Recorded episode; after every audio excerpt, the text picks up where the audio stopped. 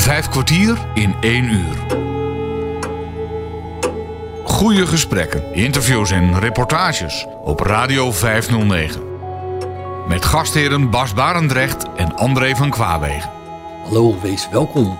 Want Wensveen is ook deze week te vinden bij het Nederlands Transportmuseum dat voor 6 maart van dit jaar gevestigd was in het voormalige Bolsgebouw in Nieuw-Vennep. Het is tot op dit moment nog niet bekend waar ze uiteindelijk zullen neerstrijken, want men is op zoek naar een ruimte.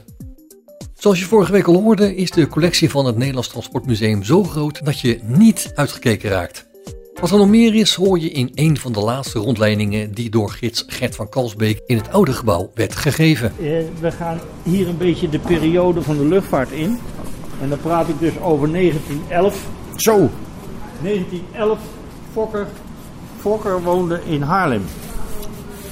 Fokker, eh, de familie Fokker was geëmigreerd vanuit eh, Indo- Indonesië, Indië dus, naar Haarlem. Want ze wilden hun kinderen een betere opleiding, een opvoeding geven en een scholing in Nederland. Dus toen Fokker eh, vier jaar was, hij is geboren in Oost-Java, gingen ze naar Nederland terug naar Haarlem. En die, die Fokker die was een handige jongen, die, die kon heel veel met zijn handen. En hij was hyperactief.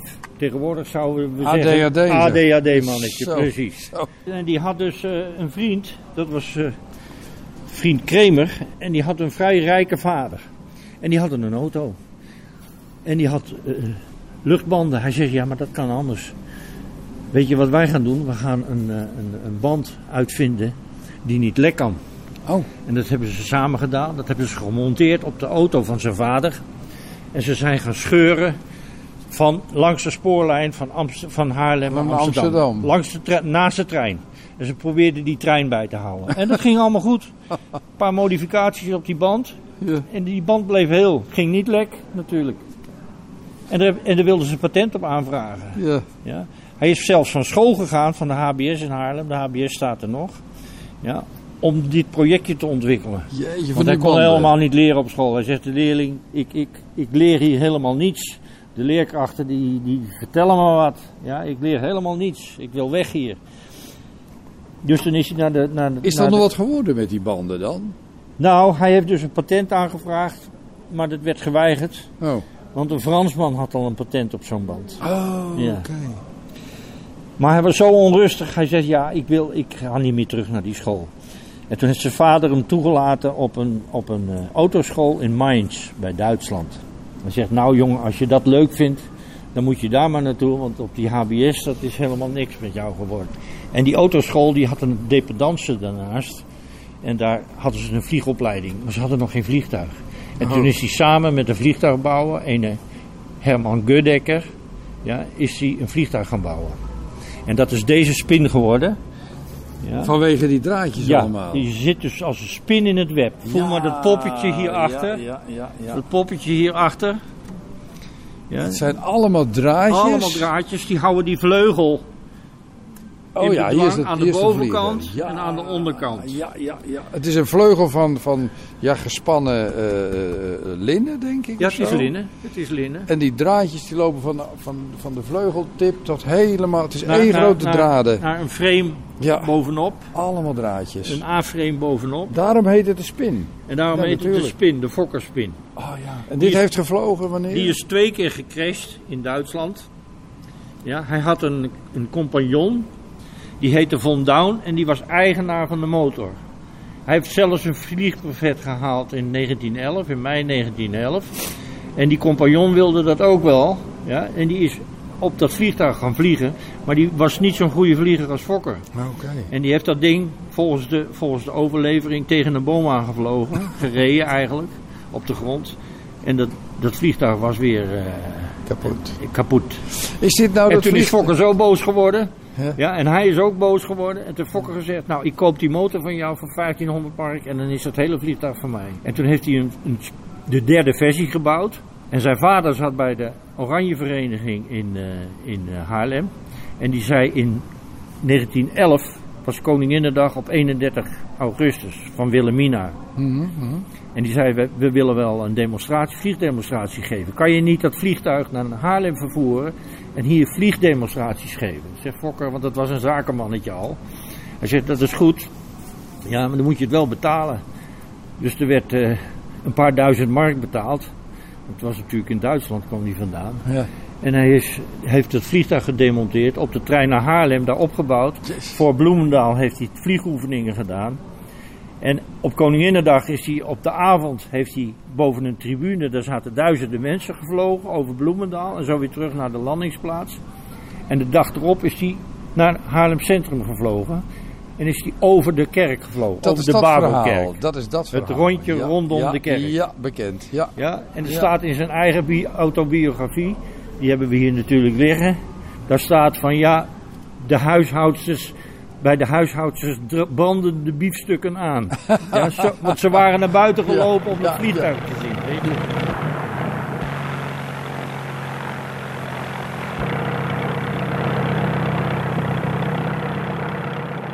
Vijf kwartier in één uur. We zijn inmiddels aangeland bij, eh, ja, we komen toch wel, eh, we hebben relatief veel vliegtuigen, omdat er toch een aantal mensen uit de vliegtuigwereld komen.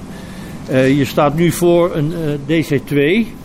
Is dat een model of is dat Nee, een- dat is één dat op een één. Dat is een DC-2, Ja. een Douglas DC-2 Een Douglas. van ja. 1934. Die heeft gevlogen in Amerika en in Australië.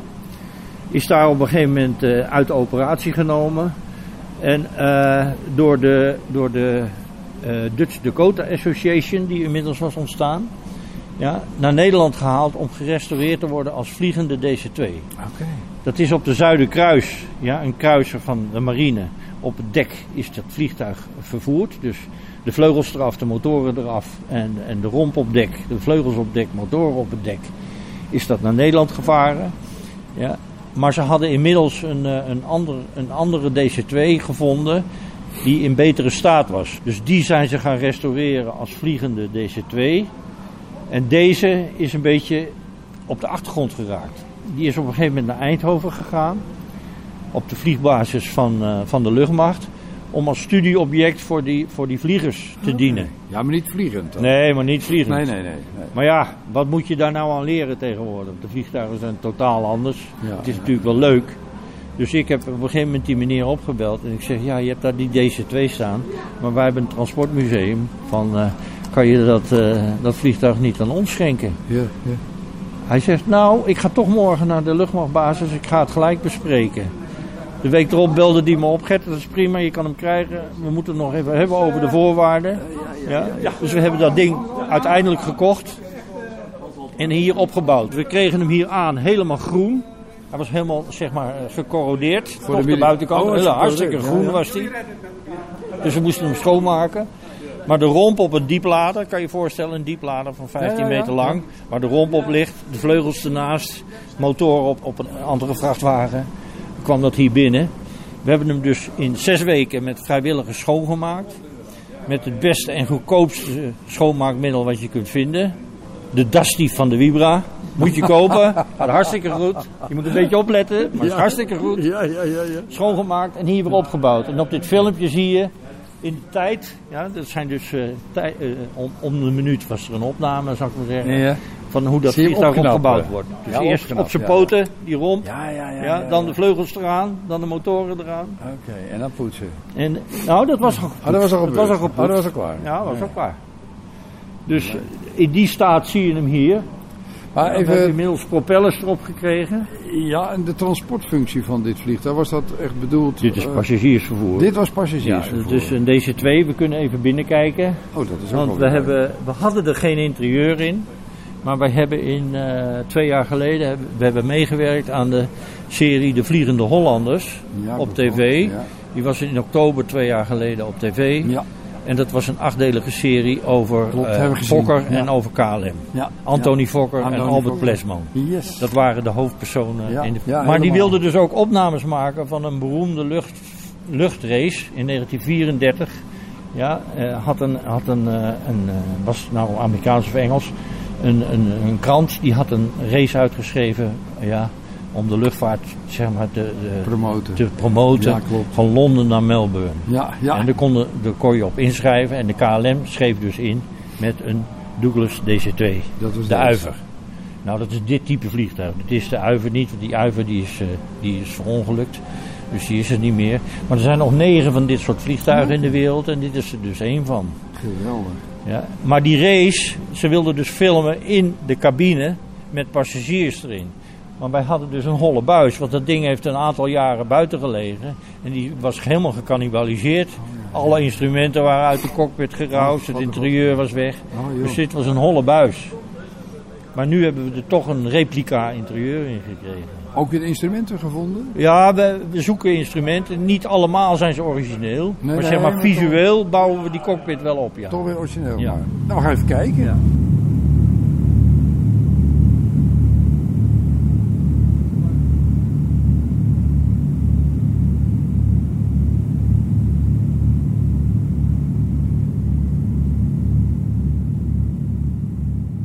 Radio 509. Radio 509. We gaan even kijken. Even zien. We lopen nu richting een trap, denk ik.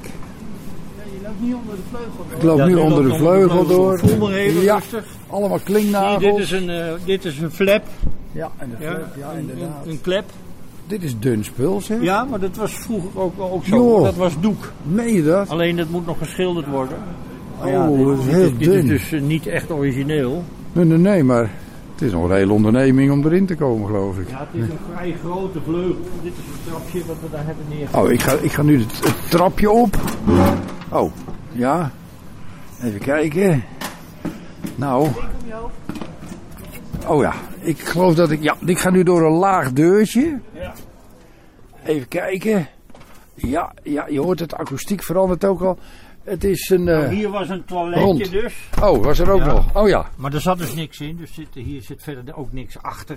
Alleen een holle ruimte. Bagagenet. Voelt u die bagagenetten? Hoeveel passagiers konden hier nou in? Hier eh? konden twee keer zeven. Dus 14 passagiers in. Je Twee hebt dus eh, twee rijen met het gangpad in het midden. Is dit nou... Natuurlijk aan de Oh ja. Ja, ja, ja, ja, ja, ja. Waarom dat vliegtuig loopt helemaal omhoog, klopt dat? Ik loop, dat vliegtuig loopt helemaal omhoog. Ik loop Ja. schuin omhoog, Ja, loop ik nu. ja. Dat is ook Kinderen zo. schrijven ook wel, ik vond met een T het vliegtuig heel leuk. Maar ik werd wel een beetje duizelig. Ja, dat dat komt. Het gaat heel vliegtuig had dus een staartwiel. En dat is dus gewoon een, een- nog een resultaat van de historische ontwikkeling van vliegtuigen. Want ik loop nu naar Want je voren kan veel makkelijker een staartwiel maken dan een neuswiel. Van een neuswiel. Oké, want ik loop nu goed, helemaal naar voren. als die vliegtuigen dus groter werden, werden ze alleen maar steiler en langer. Dus je kan je voorstellen, als je dat blijft doen, Ja. dat die cockpit ongelooflijk hoog in de lucht komt te steken. Wat staat hierop, Gert, op dit bord? No smoking, fast on seatbelt. Oh, ja. Ja, dat, dat is, is nou, niet eh, echt eh, ik ben de hele tijd origineel, gestopt. want volgens mij rookten ze als ketters in die vliegtuigen. Ik ben nu in de cockpit, denk ik. Nou ben je in Of de niet? Ik ben nu in de cockpit beland. Even kijken. Hier zat de Marconist. Oh ja, die had je natuurlijk. hier, hier Oh ja, de- tafel de met knoppen, morsapparaat. Ja. Ja. En hier heb je de radioverbindingen. De radio eh, Ja, inderdaad. unit met Leg allemaal koptelefoon. draadjes en koptelefoon. Met koptelefoon. Grappig zeg. Jeetje. Even kijken hoor. Ik ga nog steeds omhoog. Oh, hier heb je de pilotenstoel. Er staat een Ja. kettingje voor. Hier, oh, dit, is de, dit zijn alle hendels. Dat eh. zijn de, ga- de gashendels. Ja, ja, ja, ja. Wat is dit anders? Ik ben wel eens in een in zo'n Ja. DC-10 cockpit geweest ooit. Wat ziet dit er anders uit zeg. Ongelooflijk. Allemaal Ja. klinknageltjes. Allemaal klinknageltjes. Joh, en nou, als je nou weer teruglopen, dan ga je echt schuin naar beneden. Naar beneden. Ja. Wat een hoogteverschil is dit Kijk, nou? maar dus een. DC, dit is een DC2.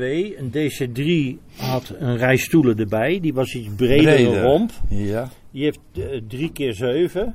Mhm. Die had dus 21 passagiers. Oh, Maar de ontwikkeling ging verder. En toen kreeg je de DC4. Maar de DC4 had dus een neuswiel. En die, oh, die was Ja, weer anders. je kan je voorstellen als je hier nog 6 meter aanbouwt. Ja, dan gaat hij Ja, dan verder. gaat hij nog 6 meter eh, of Nog 3 verder meter omhoog. hoger de lucht in. Of misschien wel 6 meter hoger de lucht in. Jeetje, mina zeg. We gaan eens even kijken of ik weer terug kan komen. Je kan wel rechtop lopen hier, dat is wel aardig. In de midden. Even kijken hoor. Zit ik goed hier? Even zien, Gert. Oh ja. heb je de raampjes eh, gezien? Ja, ja, ja, ja. Ja, inderdaad. Het is wel heel leuk zeg. Ja, dus dit is wel een gewild objectje om erin te zitten en even een fotootje te maken. Tegenwoordig maakt iedereen natuurlijk foto's. Selfies, ja, ze kijken er nooit meer naar, maar... Ja, hier ben ik er weer. Ja. Nu zitten we achter in het vliegtuig. Douglas Corporation. DC komt van Douglas Corporation. Even kijken hoor. Kijk uit voor de trap, hè. Ja, ik heb hem. Zo. Nou, we zijn weer bij de vliegtuigtrap. Beter, beter, Oh, mijn vrouw die zegt achteruittrap. Ja, ja, achteruit. Dat doe ik ook. Nou hoor. ja. Als je dat nou moet inschatten, die hoogte van de neus aan de grond. Het is al een meter of 2,5 misschien wel. Vijf meter hoog. 5 meter aan de voorkant. Ja.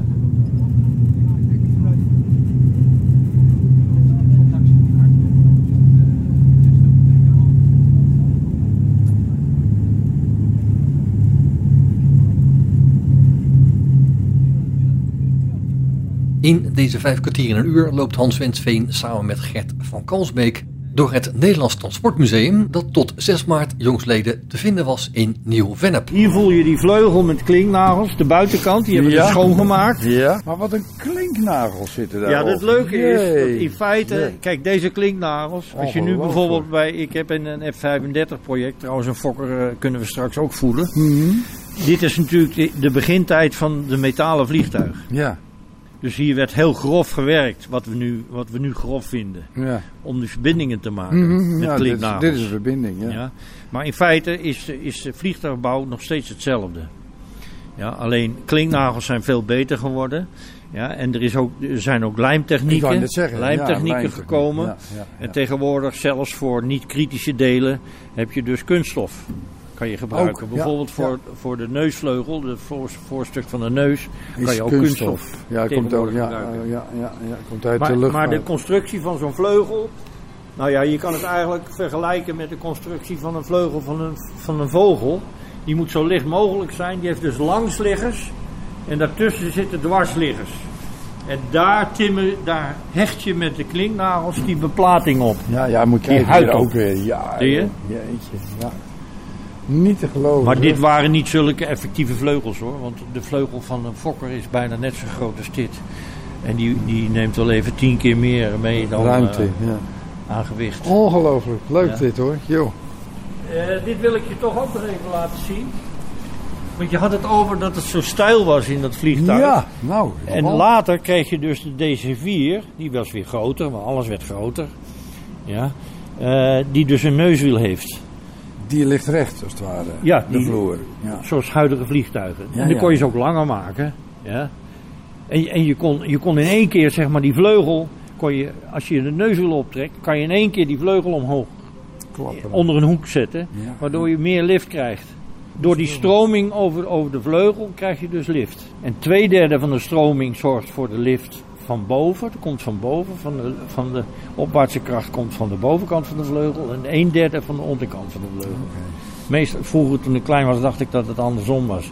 Ik dacht eigenlijk helemaal niet dat het van de bovenkant kwam. Nee, nee. Ik wist helemaal niks van vliegen Nee, eigenlijk. ik eigenlijk nog ook niet. zoveel. Maar eh, Ja. het is wel mooi om te horen. Maar kan ik je heel leuk laten zien, dat doe ik bij die kinderen altijd, met een, eh, met een A4'tje. Kijk, hier heb je een A4'tje. Dan ga je even demonstreren? Ja, ga ik Nou, Kijk, hier heb ik een A4'tje. ja. En als ik hem pak, zeg maar, Ik voel hem even nu. op de ja. korte kant, dan krijg ik een vleugelprofiel. Ja. Snap je hem? Ja, ja, ja. Ja, dus je ziet nu Ja. aan de onderkant. Ja, dit is de En bovenkant. dat is de bovenkant. Ja, En dan ga ik er overheen blazen. ja. Kijk, moet je, moet je zien wat er gebeurt of voelen. Ja, ik ga het horen. Gaat die Dat is een beetje, gaat hij omhoog. Ja, ja, gaat die omhoog. Omdat je aan die ronde kant blaast eigenlijk. Nooit besteld. Want dat is de wet van Bernoulli. Ken je die nog? Nee, ik heb Ja? nooit gezien. Dat ja. was die meneer die uitvond eh, dat, je, dat, eh, dat, dat je als je iets door materie haalt, dat je dan versnellingen krijgt. En bij versnelling krijg je onderdruk. Ik krijg de indruk dat ik niet op school heb opgelet of zo. Nee, ik denk dat- Nee, zo. nee, maar die materie wil bij elkaar blijven. Dat is het leuke. ja. Dus als je, als je aan het zwemmen bent, of in de lucht gaat precies hetzelfde. Die lucht wil eigenlijk bij elkaar blijven. Dus die zegt, oh, ik word uit elkaar getrokken. En het bovenstukje denkt van, oh, ik wil nog bij dat andere blijven. Dus die gaat harder lopen. En aan het eind komen ze weer bij elkaar. En dan krijg je een opwaartse druk, zeg maar. Ja, dus die aan de bovenkant trek je. En, aan aan de de onderkant, duwt krijg je in feite duwen. Dat is die... En dat is lift. Ja. Alleen als je het te, te schuin doet, dan, verlies, dan gaat die lucht wervelen. En dan verlies je draagkracht op de vleugel en dan stort je naar beneden. Kijk, dat moeten we niet hebben. En dat noemen we stollen. Oh, dat heet stollen. Dat heet stol. Ah, Een vliegtuigstol. kijk, kijk. Eh, maar ik was even bij, die, eh, bij die- dat vliegen met een neuswiel en een staartwiel. Ja, deze, deze, drie, deze twee en drie hebben een staartwiel. Is dat een model, eh Gert, of niet? Nou, en dit is een trainingvliegtuig en die heeft een neuswiel. En dit was een dubbele zitten, seater, dubbelseater. Oh, zo. ja, En dat ja. was een trainingsvliegtuig om te leren om met een neuswiel te landen en te starten. Want als je, je moet precies de omgekeerde beweging maken natuurlijk. Als jij met een staartwiel s- stijgt, ja. Ja. dan moet je op een gegeven moment eh, trekken. En dan gaat, dan gaat eerst het hoofdwiel om, omhoog. Omhoog. Door de snelheid gaat het vliegtuig eigenlijk omhoog. Parallel omhoog. Als je met je? een, met een, met een, eh, met een Een staartwiel. Ja, ja, ja. Je maakt snelheid en dan gaat hij op een gegeven moment liften. En dan kan je die kont een beetje naar. Dan kan je hem wat schuiner trekken. Ja, ja, ja, dan komt hij recht. Maar met de neuswiel kan je dat neuswiel trekken. Maar werkt niet. al op de grond en dan heb je al gelijk meer lift. Dus je kan sneller stijgen met een, staart, met een neuswiel. Neuswiel. Ja. Maar de- en dan in het landen omgekeerd, als je een staartwiel hebt, dan moet je hem eerst op zijn hoofdonderstel neerzetten en dan langzaam op zijn staart laten zakken. Kijk. Maar als je een neuswiel hebt, dan moet je hem op zijn hoofdonderstel neerzetten en naar voren duwen om op zijn neus te zitten. En dan kon je dus met dit vliegtuig konden ze dat doen. Nee, even, even, Oefenen. oefenen. Even oefenen, ja. Ik kan alleen met een paar van deze toestellen. Vijf kwartier in één uur. Ja, we zijn eh, dus nu een beetje eh, uitgekeken naar dat eh, 1934 vliegtuig. De vliegerij. En hier hebben we dan een, eh een A-Ford, ook uit de 30 jaren, eerder, iets eerder misschien.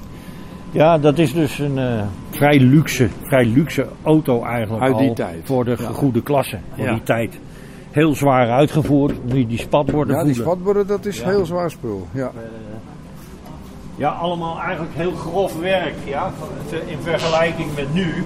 Als je bijvoorbeeld die deur voelt, ja, dat is natuurlijk een, een gewicht van hier tot Gunde. Heel zwaar. Oh, die jeetje. heel Ja, ja, ja, ja, ja. Eh, Wel mooi bekleed van binnen, hè? heel mooi gestoffeerd van Ja, binnen. inderdaad.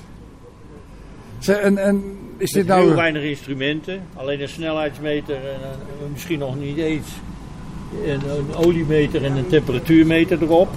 Is dit nou een een auto die je moet slingeren? eh, nog? Ja, nou, die moet je aanslingeren. Het is een aanslingerauto. Oh, ja. Dan moet je zien hoe grof dat is, want hij ligt gewoon op het frame. Hij valt er niet in, moet je aan de rand daarvan. Oh ja, hij ligt erop. Zie je, hij ligt er gewoon op. Lijkt de Nederlandse bank wel eens hem dicht doet, joh. Ja, het is natuurlijk een heel mooi spul. Ja, ja. maar heel ja. eenvoudig. Rijdt dit nou nog? Dit rijdt nog. We hebben daar een, eh, een, een T-fortje staan. Eh, die rijdt ook nog. Ja. Een T-Ford was dat, Ja, dat is- de eerste Dat is een, een- nog een iets, iets, eh, iets oudere. Ja, die T-fort die rijdt ook nog. Die, eh, die rookt als een gek. Ja. Dus die starten we hier niet binnen. Kijk, en de wielen ook, die zijn natuurlijk geen dichte wielen, maar dat zijn gewoon spaakwielen. Voel maar hier, hier spaakwielen. Ja, inderdaad, ja. Oh ja, ja, ja, ja, ja. En daar zit dan die, die luchtband omheen. Dat hadden ze toen wel, luchtbanden, ja. Wat voor kleur heeft zo'n auto nou? Want dat zie ik niet. Nou ja, deze zit, die is donkerblauw met biesjes van, eh, met eigenlijk goudgele biesjes. En een goudgele beschildering met het KLM-logo van vroeger erop. Ja, het was een auto van de Met zo'n KLM. vleugel, vleugel eh, en een kroontje erop. Wilde iedereen wel hebben natuurlijk. Fokker had ook een kroontje. Omdat hij koninklijk was inmiddels. Dat, dat is bij het 50-jarig jubileum geloof ik koninklijk geworden. Toen werden ze koninklijk. Ja, 50 Ja, jaar het. ja.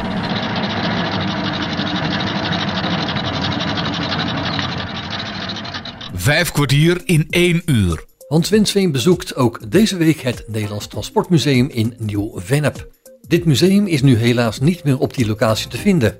Het is momenteel onduidelijk waar ze uiteindelijk met het materiaal en materieel dat een weerslag van de Nederlandse transportgeschiedenis over land, lucht, rail en weg weergeeft naartoe gaan. De mannen lopen weer door. Het museum gaf ook ruimte aan de Nederlandse geschiedenis tijdens de Tweede Wereldoorlog. Op Radio 509. Je loopt zo dadelijk een, een expositie binnen over de luchtoorlog van eh, mei 1940. Toen de Duitsers op 10 mei Nederland binnenvielen. Hier. Ja, en dan op, op 15 mei capituleerde Nederland. Want ze waren niet opgewassen tegen die Nee. overmacht van de Duitsers. Nee, nee. En Rotterdam werd gebombardeerd. De Duitsers hadden zeg maar zo'n 500 vliegtuigen en de Nederlandse luchtmacht had er eh, 125. Ja, dat werkt niet. En die overal verspreid stonden. De Duitsers bombardeerden het vliegveld in Bergen. En toen was al de helft van, eh, meer dan de helft van eh, de, de Fokker G1's jachtvliegtuigen waren, eh, waren onklaargemaakt. Ja, ja, ja. En dat vertellen wij in deze expositie. We lopen dus in de tijd door het transport heen. Ja, en dit was een, natuurlijk een significante periode. Ja, eh, de meioorlog, eh, toen de Duitsers Nederland binnenvielen in 1940. En eh, wij vertellen hier dus wat er in die vijf dagen gebeurd is, van dag tot dag. En hier op het voorterrein, hier op tafels, daar staan de schaalmodellen van de Fokker vliegtuigen en ook een andere, de eh, Douglas vliegtuig wat daar staat, die in die luchtoorlog hebben gestreden. Als je hier, als je hier eventjes... Dat zijn dan de Ietsjes- Nederlandse er is een vliegtuigen. zeg maar. tafel. Ja. Ja, het is een Nederlands product. Dit is een T5 bommenwerper, een Fokker T5 bommenwerper. Dit zijn ook schaalmodellen die kunnen vliegen. Echt waar? Dat is van een stichting, dat heet Fantasy in Blue. Die hebben, die hebben hobbyisten die het leuk vinden om zo'n vliegtuig te bouwen en om dat, om dat schaalmodel te vliegen. Dit mo- motortje kan dus draaien. Ja, ja, ja. Ja? Drie, Dit is een eh, verbrandingsmotortje. Ja, en die propeller, nou ja, dat werkt net als een echt vliegtuig. Joh, dat is nog best En die vleugel heeft dus ook lift. Hoe groot is zo'n vliegtuig? Want het ziet er Nou, voelt deze is best... vrij, dit is vrij groot. Schaalmodel 1 op 5.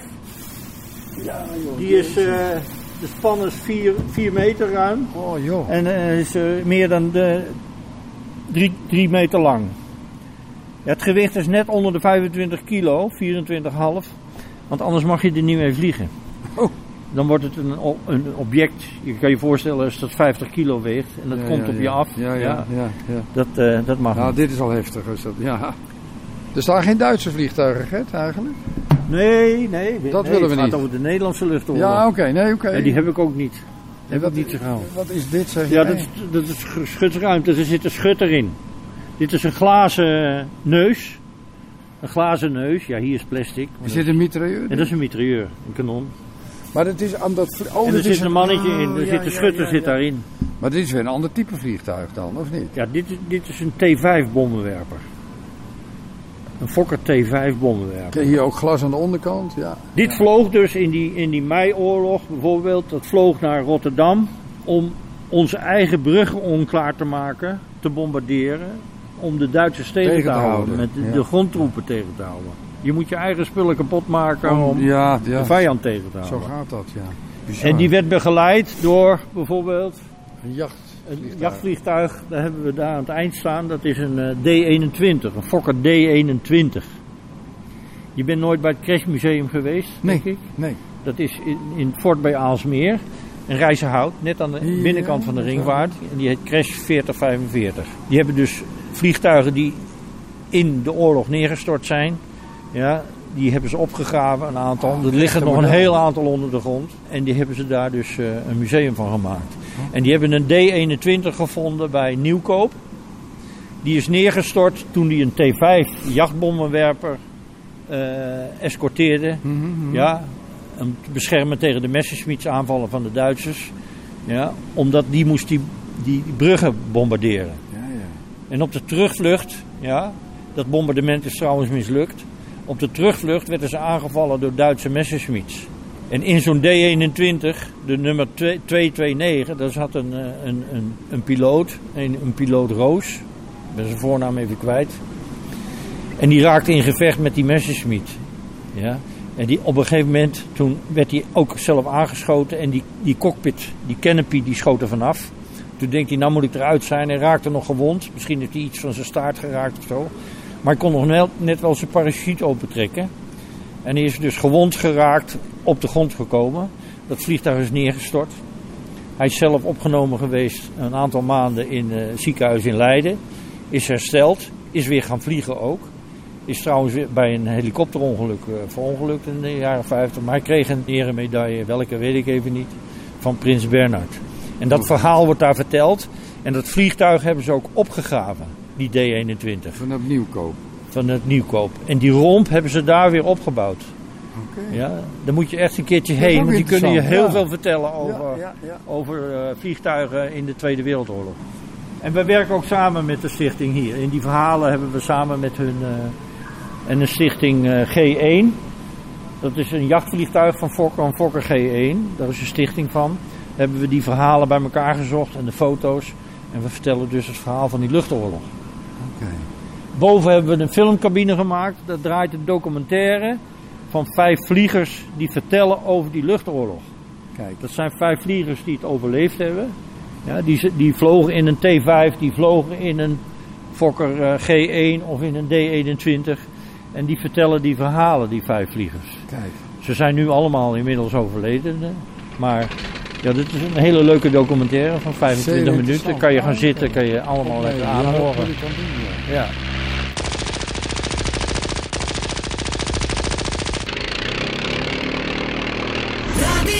ja. Ja. Radio 509. We zijn nu aan het einde van de hal eh, gekomen, van onze eerste expositiehal. En we zijn aanbeland in de tijd dat het busvervoer eh, in zwang was. En hier staat een, eh, een, een Amerikaanse Maarse en Kroonbus, die gemaakt is in feite met dezelfde techniek als we vliegtuigen bouwen. Voel maar. Dat is, aluminium en met klinknagels. Ja, ja, ja, ja. En die, dat was het, het karakteristieke van deze bus. Dat loopt dus over de hele zijkant van die bus. Maar even Maas en Kroon, dat is een hele oude busmaatschappij. Ja, hele oude Die ook touringkarren hadden, Ja. toch? Ja. Ook en zo? Ja. ja. En we hebben diverse Maarsen en Kroonbussen. Kan ik hierin lopen?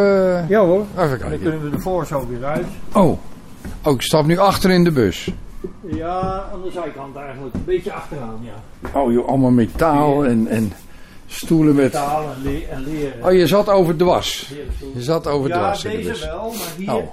hier heb je ze dus weer eh, haaks eh, in de bus. Oh ja, ja, dit waren de normale richtingen. Oh, je had hier nog wel beenruimte in deze oude Nee, bussen. ja, ja, ja. Beter dan tegenwoordig, lijkt het wel. Nee. Kinderen vinden dit geweldig, je komt zo bij de chauffeursplek. Ja, ik loop nu helemaal naar voren. Even kijken. En hier zit de chauffeur. Oh, die heeft al een betere stoel als in die Amsterdamse Ja, bus. en kinderen vinden dat fantastisch, die gaan erachter zitten. Een mega groot stuur, zeg. Ja, maar dat is een groot Ja. stuur. Ik denk een doorsnee van 70 centimeter. Ja, ja, ja. En dan zetten we ze de pet op. Oh, ik heb de pet ook nog op. Ja. ik heb een chauffeurspet op. Oh ja, en hier heb je de microfoon. Daar kon je nog een beetje doorheen kletsen. Oh, hier Dit was natuurlijk al een luxe, een luxe bus. Dit was al... eh, Allemaal knoppen hier. Joh. Kijk, als je dat vergelijkt met die Magirusbus. Ja, dit een was al- generatie later. Ja, Dit was al alweer, eh, alweer eigenlijk, eigenlijk eh, zoals de bussen er nu nog steeds uitzien. Hij zat wel heel dicht op zijn ruit. Ja. Ja, hij zat wel lekker dicht op zijn ruit. Waren dit al deuren met lucht eh, al? Het had al een Lucht. automatische bak. Ja, luchtdeuren, ja. En hij Ja. stuurde redelijk licht. Hier heb je een plaatje vanuit die tijd, eh, die jaren, jaren 50. Ja, naoorlogsjaren bij een, eh, bij een, eh, een Connie, een Super Connie van de KLM. Oh ja, kon niet, ja. eh, Als platformbus. Ja, ja, Tegenwoordig ja, ja. hebben we slurven, we hebben er buiten ook een staan. Ja, maar vroeger had je ja. gekregen. Maar je reed dus met, met de bus naar het platform, naar het vliegtuig.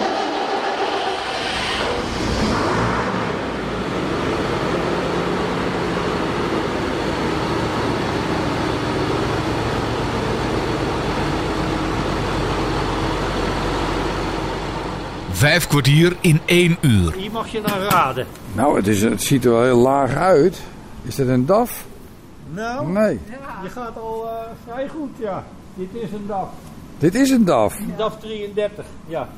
Ik wou Ik heb er zelf ook eentje gehad. met zo'n Met variometer. een variomatic erin. Ja, ja, Ja. ja. Oh, wat leuk. Maar het was een constructie van eh Lickman.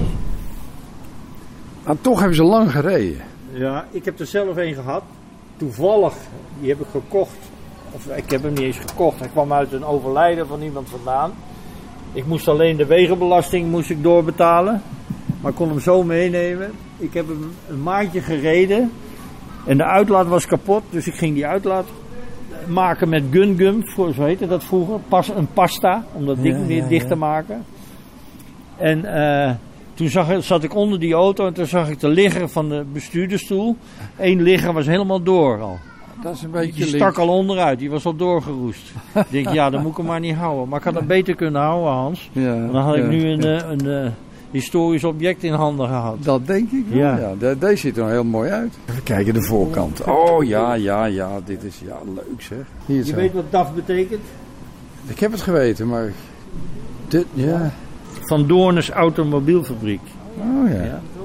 Maar oorspronkelijk douwde eh, DAF geen, maakte geen auto's, maar die maakte aanhangers. Dus oorspronkelijk was het DAF aanhanger, Ah, fabriek. aanhangerwagenfabriek. Toen hebben ze die Variomatic ontwikkeld. En in feite, hoe heet die, die firma die daar zit? Die maken alle, alle, alle ehm, eh, tandwielkasten. Ja, de, de, de automatische versnellingsbakken voor, voor ehm, eh, Toyota bijvoorbeeld. Oh, Oké, voor andere merken. in, in Eindhoven. Uit die DAF Variomatic is wel dat ontstaan? bedrijf ontstaan. Ja, dat is de beste, de beste vers- automatische versnellingsbak van de wereld, heb ik me laten vertellen. Laat het vertellen. Ja, ja, ja. ja.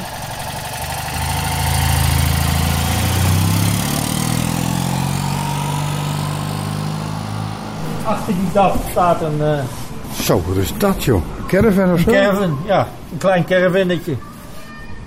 Zo. Van de Oldtimer Caravan Club. Ja, Oh, dit is onze vrije tijdshoek. Allemaal transport. Kijk, wij hebben natuurlijk heel veel ideeën. Want bijvoorbeeld voor vrije tijd. Je had natuurlijk in de jaren 60 had je bermtoerisme. Daar zijn prachtige filmpjes van. Dat mensen dus Gewoon hè, langs de weg die auto in En Ja. die komen allemaal spullen Met uit. stoeltjes. Tafeltjes, stoeltjes. Ja, eh, ja, klopt. eh, brandertjes. Er werd gebarbecued. Er werd ge- Dat gedronken. kan ik me nog wel herinneren, ja. Wat een laag caravannetje. hè. Een laag caravan. Klein hè. Wel ontzettend leuk. Kunnen we net in slapen. Een hefdak. Oh ja. Kunnen we net in slapen.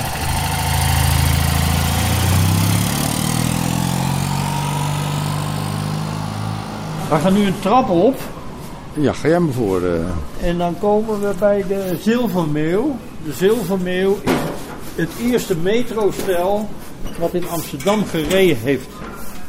En hoe lang is dat geleden? Dat is in de Ja, jaren 70, hè? Ja. Want eh, de, Noord, de, de, de, de Bijlmerlijn werd gemaakt. Rotterdam had natuurlijk al een metro. Dus Amsterdam kon niet achterblijven. Zit ik nou al in de metro dan? Ja, Oh, ik zit erin. Oh, in de metro gestapt. oh. Ik ben er al in. Hoe zit dat dan? Even kijken hoor. Oh, wacht. Die Die kan de compartimenten. Ik ga dit- de zitplekken, de stoeltjes.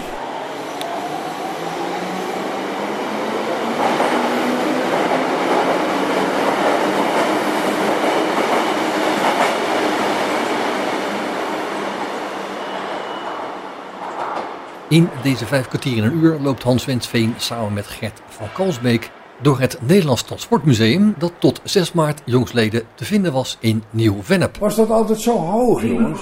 Ja, maar dit is een origineel.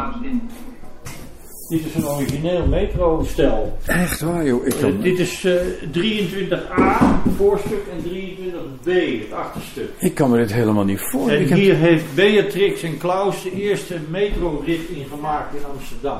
Oh ja. Die hebben het geopend. De trein reed natuurlijk al een beetje. De tram. Waar zijn die lussen nou waar je aan hing? Die zijn er Nee, niet. dit zijn die palen. Waar zijn die palen, ja? Dit is zo'n zo'n pa- Oh ja, hier, ja, ja, inderdaad, ja. En hier Zo. hebben we dan een plaatje dat, dat Klaus en Beatrix in de cockpit, in die cabine zitten. Stuurhut moet ik zeggen. De cockpit, ik ben altijd met de lucht. Want, eh, ja, ja, ja. Oh, dat is hier met, verderop? burgemeester Polak Was dat en de Surinaamse eh Conducteur. Racevrouw. Als Ben ik er al? Wat een lang ding, joh. Oh ja. Even kijken. Kijk, hier, hier Oh. hebben we, de- ja, daar hebben we een perspex-plaatje Ja, dat we is de- kapot getrapt hebben. Oh, Maar hier heb je de, de, de, cabine, cabine. de stuurhut, ja, ja, ja, Ja? ja. ja. met de, ga, de gashendels. Ja, eigenlijk hetzelfde principe, een beetje als een trein. Ja. Met een gashendel en een rem. En, eh, niet als een auto aan de voetpedalen, maar je Jo, dit is jaren 70, wat grappig, joh. Ik vind het wel leuk, ja. Dit, dit moet ik Ja, meegemaakt dit hebben. stond dus te verpieteren eh, buiten, maar die wilden het dus restaureren. Dus we hebben deze tram, metro-tram, hebben we op een dieplader hierheen gebracht. En die wordt dus binnen helemaal gerestaureerd, want hij zat natuurlijk Zag er niet uit, ja. de graffiti. Is dit, even kijken, wat is nou de buitenkant? Dit hè? Het is de deur die opengeschoven Oh, wacht even. Ja, ja, ja ik voel het. Jeetje. Nou, ja, ja, schuifdeur, ja. Ja, ik heb hem. Links van je staat een Haagse tram. Is dit een Haagse Dat tram? is een Haagse tram. Die rijdt nu nog als museumtram door Den Haag heen. Kan je hier op, eh op mee eh, rijden. Dat is de achterkant, denk ik. Of niet? Dat is de achterkant. Maar ja, een tram eh, kan je ook wel achteruit rijden. Ah, ja, Maar dat is de achterkant. een Haagse tram zeg. Nana. Een Canadese tram. Die ook nog heel veel, eh heel veel metrostellen bouwt. Ik geloof dat is Amsterdam nou. Bombardier. Dat is van Bombardier. Mijn vrouw komt uit Singapore. En daar, hebben, daar rijden allemaal Bombardier trams. Ga eens even kijken. Metrostellen. Een Haagse tram. Luister de Nijvert. Tram. Luister de Nijvert. Kijk, die zitten alle stoeltjes achter elkaar. Dat hebben ze trouwens nog. Oh ja, dat, Dat zijn hebben ze één, nog steeds persoons. Ja. Er staat helemaal niks dwars hier. Kijk, zo. Ja, ja hier ben je Oh. bij de Is dit de voorkant? Ja, dat is de voorkant. Hoe oud is dit, zei jij? Jaren, jaren 60. Wat een nostalgie, joh. Kijk hier weer die typische deuren. Ja, die, Ja, die klapdeuren. ja, die klapdeuren. Er zit een vuilnisbakje. Het is een uh, oude bak. Oh, als, oh, er mocht nog gerookt worden vroeger natuurlijk. Nu mag je aan de andere kant kijken wat er staat. Een heel groot rond ding. Een locomotief. Dat is een locomotief met een eh, bagagewagen. Het- Oh, dit is een buffer. Dat is Zijn- de buffer. de, stoot. eh, nou, ja. Ja, ja, ja, ja, ja. Dus daarvoor zitten, zitten de schakels, hele grote schakels om hem te trekken. Dit is een diesellocomotief. Een Engels, eh, Engels, Nee, ik voel het al. Engelse locomotief. Ja, En die ja. zijn gebruikt voor de inval in Normandië. Zijn die inderdaad op die schepen vervoerd? gebruikt. En die werden dus gebruikt om, om het vervoer achter de, achter de, op, op de rails naar de, achter de duinen in Normandië op gang te brengen. De bevoorrading van de troepen. Maar het Engelse spoor past op het Franse spoor meteen dan? Nou ja, dat, dat paste ja. Dat Ja, ja, ja, ja, ja. ja. Maar die werd dus gebruikt. Die werd op pontons. Dit werd op pontons geladen in, in, eh, in Engeland. Engeland, ja, ja, Ja? ja? ja, we hebben ze gezien. Ja. En, en dat werd dus overgevaren. En dat werd dus op dat ponton werd op het strand getrokken. En met een aanhang, aanhang een tre- en met een takelwagen werd het op de rails achter de duinen gezet. Ongelooflijk, hè? En die vervoerde. Dit is een originele wagon van die tijd. En waarom is dit Nederlands relevant? Dit ding heeft later in Nederland gereden als NS locomotief 162. NS nummer 162. Ja, Ja, en daarom is die Nederlands relevant.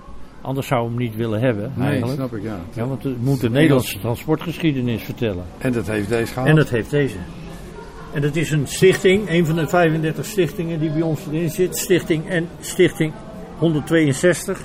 Die dus deze locomotief en die eh, wagons onderhouden. Het is al een heel ding, joh. Jeetje. Oh, wat machtig. Even voelen, hoor. Weer zo'n buffer. Oh ja, dit is weer zo'n stoot. Moet je eh, voelen wat een buffer. ding dat is. Ja, ja, ja. Jo, dat we met taal, hè, dat ze dat... Dat ze dat op zo'n ponton eh, hebben... Ja, je kan Hebben niet zien, vervoerd. maar hier is een plaatje van eh, juni 1944. Dat, dat die locomotief op, op een trekker op het land eh, getrokken wordt. Ik weet niet of je erbij kan, want de beplating hebben we eraf. Maar hier heb je zicht op de motor. Oh, een beetje, ja. zicht op de is- motor. ja, dat is moeilijk voor, te zien, te voelen. Ja. Ja, die wielen, moet je die stangen, dat stangenstelsel hier voelen. Hoe groot dat is hier. Om dat wiel aan te drijven. Even kijken hoor. Oh, dit. Ja, ja, ja. Och, joh. Eigenlijk zit er maar een klein flensje op, hè. Aan dat wiel. Ja, Eigenlijk. ja. Ja, om, om, om hem in het spoor te houden. maar eigenlijk is het in, Om in hem in het spoor te houden. eh, is het maar een klein flensje. En het is ook, dus ook een beetje schuin. Ja. Ja? Om hem dus een beetje speelruimte te geven om te rijden. Ja, ja, ja, ja, ja. Want je kan je voorstellen, als je dat strak maakt, dan, eh, als je dat vlak dan maakt, eh, dan gaat het zo af. Maar het slijt wel. Dit is het meest gevo- slijtgevoelige.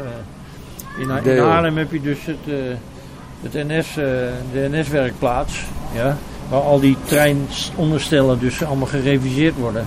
Ja, die nu rijden, de moderne treinen bedoel je dan? Ja, de moderne Ja, ja, trein. ja. ja, ja, de moderne. Ja, het principe is hetzelfde. Hetzelfde, ja. Het principe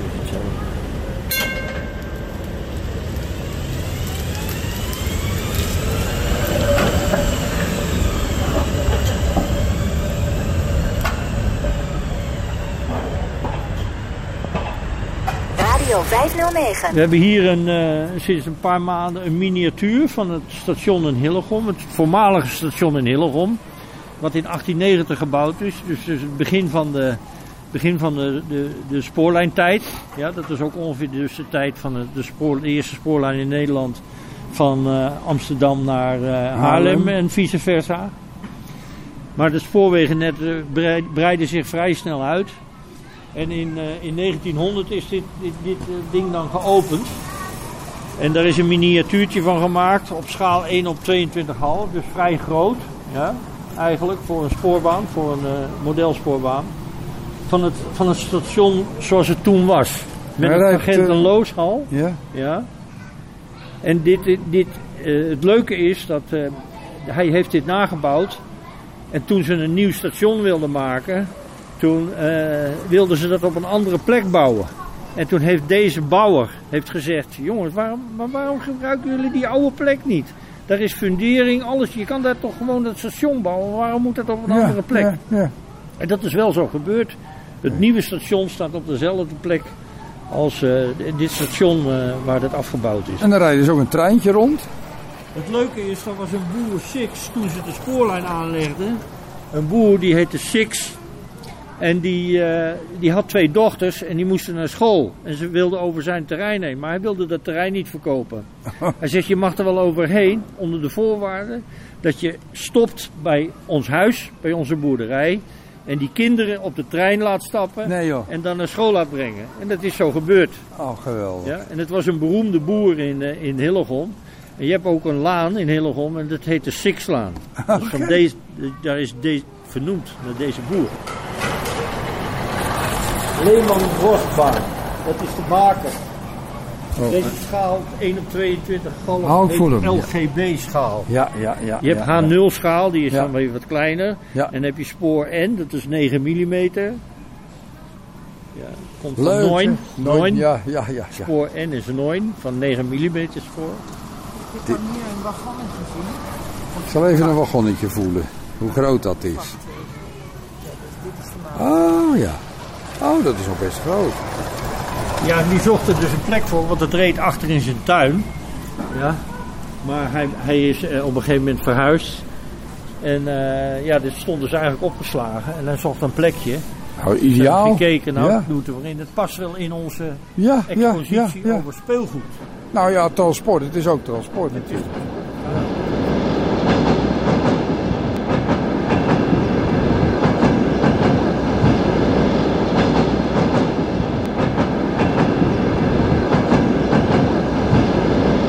Hans, wij zeggen dus altijd: het verhaal wat we vertellen, dat gaat over de geschiedenis van de Romeinse wagen tot aan de superbus van Wubbe Okkels. En hier sta je bij de superbus van Wubbe Okkels. Wubbe Okkels was onze eerste astronaut. We hebben er nog één gehad, André Kuiper. Kuipers, ja. Ja, maar beide zijn nogal eh, PR-minded. Ja, kunnen heel goed babbelen.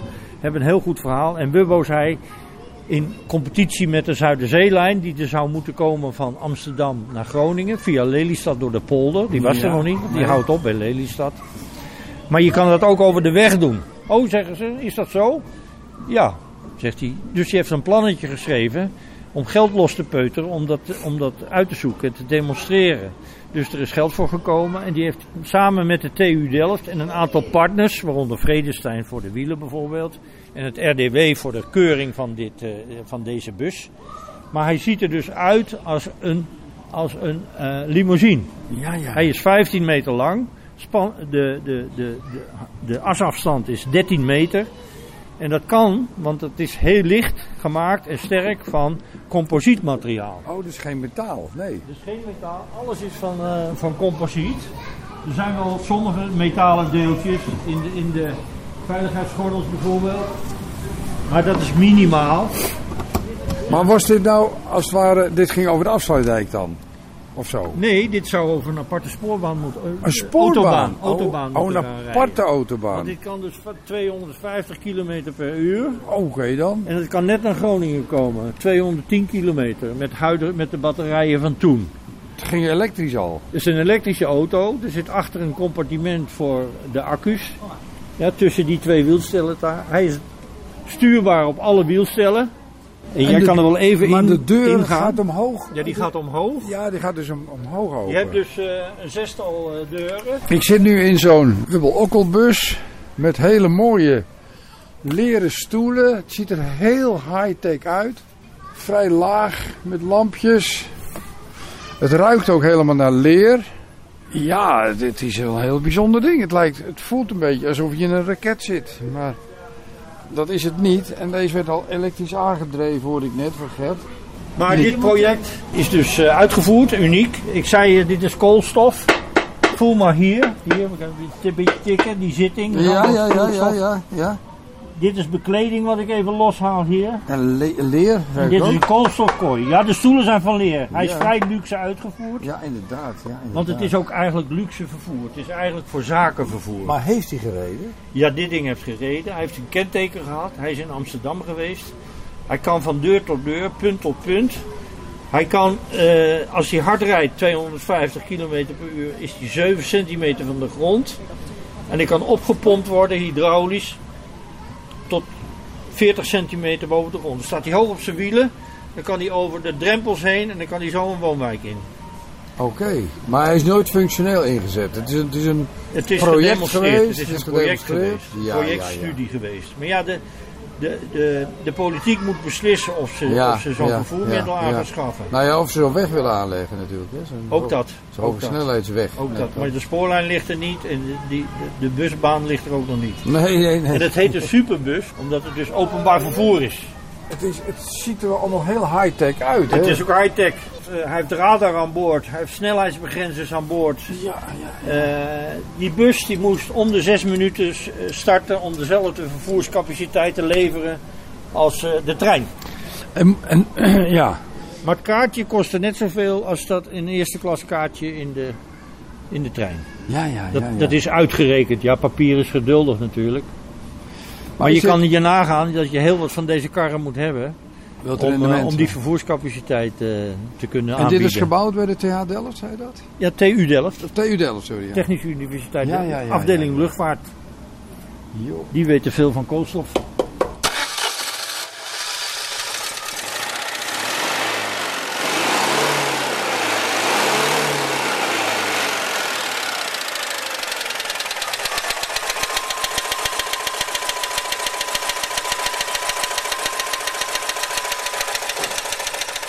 Nou Gert, ik denk dat wij een ontzettend mooie impressie hebben gekregen van wat het Transportmuseum eh, te bieden heeft. En het zou natuurlijk eeuwig zonde zijn als dit, eh, als dit verloren zou gaan. Zo'n enorme ja, collectie van, ja, van heel oude historie tot nou ja, dit moderne vervoersmiddel. Dus eh, ja, ik hoop toch dat er een oplossing wordt gevonden om dit bewaard eh, te laten houden. En eh, ik wil jou ontzettend bedanken voor je tijd, je enthousiasme en het geduld om mij dingen uit te leggen. En eh, ja, ik vond het fantastisch. Hartstikke Nou ja, bedankt. heel graag gedaan Hans en Radio eh, 509. Ik ga het terug horen als het in de uitzending is. Ja, maar- En ik ben benieuwd hoe het allemaal gegaan is. Ja. En eh, we, zijn, eh, we vinden het altijd heel leuk om bijzondere mensen, zoals Hans in dit geval, ja, om die, die te hebben in ons museum. Ja. En eh, we wensen jullie heel veel succes met je radio-uitzendingen en met jullie zelf. Dankjewel. En nog even de website tot slot waar mensen iets kunnen vinden over het museum. Ja, dat is het Nederlands Transportmuseum. www.nederlandstransportmuseum.nl Check die website. Zo blijf je op de hoogte over waar en wanneer het materiaal en materieel weer te zien zal zijn. Je hoorde gids Gert van Kalsbeek. Ik bedank je mede namens Hans Wensveen en Bas Barendrecht voor het luisteren. En heb je nog vragen of opmerkingen of wil je zelf wel eens aan het woord komen, dan kan je een mailtje sturen naar bas.radio509.nl. Dit programma is ook te beluisteren via de podcast van deze zender. Geniet van de rest van deze dag, blijf luisteren naar Radio 509 en tot een volgende keer. Vijf kwartier in één uur is een programma van Bas Barendrecht. Techniek André van Kwaabegen.